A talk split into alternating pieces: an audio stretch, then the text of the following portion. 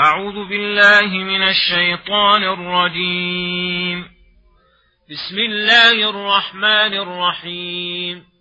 إنا أنزلناه في ليلة القدر وما أدراك ما ليلة القدر ليلة القدر خير من ألف شهر تنزل الملائكة والروح فيها بإذن ربهم من كل أمر سلام هي حتى مطلع الفجر بسم الله الرحمن الرحيم لم يكن الذين كفروا من أهل الكتاب والمشركين منفكين حتى تأتي تأتيهم البينة رسول من الله يتلو صحفا مطهرة فيها كتب قيمة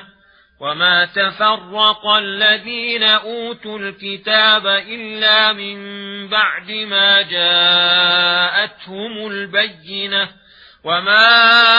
أمروا إلا ليعبدوا الله مخلصين له الدين حنفاء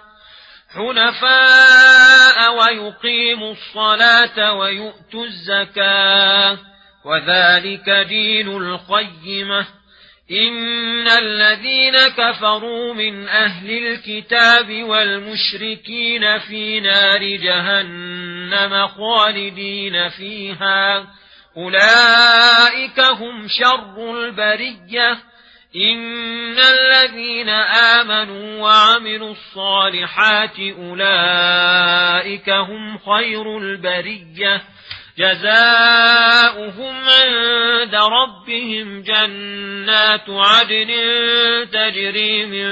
تحتها الأنهار خالدين فيها أبدا رضي الله عنهم ورضوا عنه ذلك لمن خشي ربه بسم الله الرحمن الرحيم السلام عليكم ورحمة الله وبركاته يقول الله سبحانه إنا أنزلناه في ليلة القدر وما أدراك ما ليلة القدر الآيات يقول تعالى مبينا لفضل القرآن وعلو قدره إنا أنزلناه في ليلة القدر وذلك أن الله تعالى ابتدأ بإنزال القرآن في رمضان في ليلة القدر ورحم الله بها العباد رحمة عامة لا يقدر العباد لها شكرا وسميت ليلة القدر لعظم قدرها وفضلها عند الله ولأنه يقدر فيها ما يكون في العام من الأجل وأرزاق والمقادير القدرية ثم فخم شأنها وعظم مقدارها فقال وما أدراك ما ليلة القدر أي فإن شأنها جليل وخطرها عظيم ليلة القدر خير من ألف شهر أي تعادل في فضلها ألف شهر فالعمل الذي يقع فيها خير من العمل في ألف شهر خالية منها وهذا مما تتحير فيه الألباب وتندهش له العقول حيث من تعالى على هذه الأمة الضعيفة القوة والقوى بليلة يكون العمل فيها يقابل ويزيد على ألف شهر عمر رجل معمر عمرا طويلا نيفا وثمانين سنة تنزل الملائكة والروح فيها أي يكثر نزولهم فيها من كل أمر سلام هي أي سالمة من كل آفة وشر وذلك لكثرة خيرها حتى مطلع الفجر أي مبتداها من غروب الشمس ومنتهاها طلوع الفجر وقد تواترت الأحاديث في فضلها وأنها في رمضان وفي العشر الأواخر منه خصوصا في أوتاره وهي باقية في كل سنة إلى قيام الساعة ولهذا كان النبي صلى الله عليه وسلم يعتكف ويكثر, ويكثر من التعبد في العشر الأواخر من رمضان رجاء ليلة القدر والله أعلم تم تفسير سورة القدر بعون الله لم يكن الذين كفروا من أهل الكتاب والمشركين منفكين حتى تأتيهم البينة يقول تعالى لم يكن الذين كفروا من أهل الكتاب أي من اليهود والنصارى والمشركين من سائر أصناف الأمم منفكين عن كفرهم وضلالهم الذي هم عليه أي لا يزالون في غيهم وضلالهم لا يزيدهم مرور الأوقات إلا كفرا حتى تأتيهم البينة الواضحة والبرهان الساطع ثم فسر تلك البينة فقال رسول من الله أي أرسله الله يدعو الناس إلى الحق وأنزل عليه كتابا يتلوه ليعلم الناس الحكمة ويزكيهم ويخرجهم من الظلمات إلى النور ولهذا قال يتلو صحفا مطهرة أي محفوظة من قربان الشياطين لا يمسها إلا المطهرون لأنها أعلى ما يكون من الكلام ولهذا قال عنها فيها أي في تلك, في تلك الصحف كتب قيمة أي أخبار صادقة وأوامر عادلة تهدي إلى الحق وإلى طريق مستقيم فإذا جاءتهم هذه البينة فحينئذ يتبين طالب الحق ممن ليس له مقصد في طلبه فيهلك, فيهلك من هلك عن بينه ويحيى من حي عن بينه وإذا لم يؤمن أهل الكتاب بهذا الرسول وينقادوا له فليس ذلك ببدع من ضلالهم وعنادهم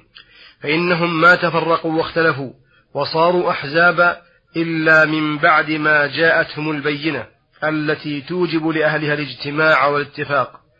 ولكنهم لرداءتهم ونذالتهم لم يجدهم الهدى إلا ضلالا ولا البصيرة إلا عمى مع أن الكتب كلها جاءت بأصل واحد ودين واحد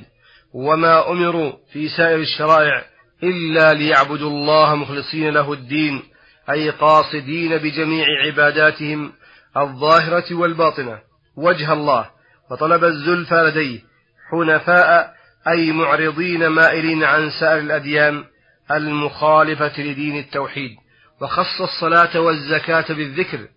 مع أنهما داخلان في قوله ليعبدوا الله مخلصين له الدين لفضلهما وشرفهما وكونهما العبادتين اللتين من قام بهما قام بجميع شرائع الدين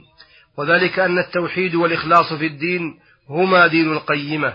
أي الدين المستقيم الموصل إلى جنات النعيم وما سواه فطرق موصلة إلى الجحيم ثم ذكر جزاء الكافرين بعدما جاءتهم البينة فقال إن الذين كفروا من أهل الكتاب والمشركين في نار جهنم قد أحاط بهم عذابها واشتد عليهم عقابها خالدين فيها لا يفتر عنهم العذاب وهم فيه مبلسون أولئك هم شر البرية لأنهم عرفوا الحق وتركوه وخسروا الدنيا والآخرة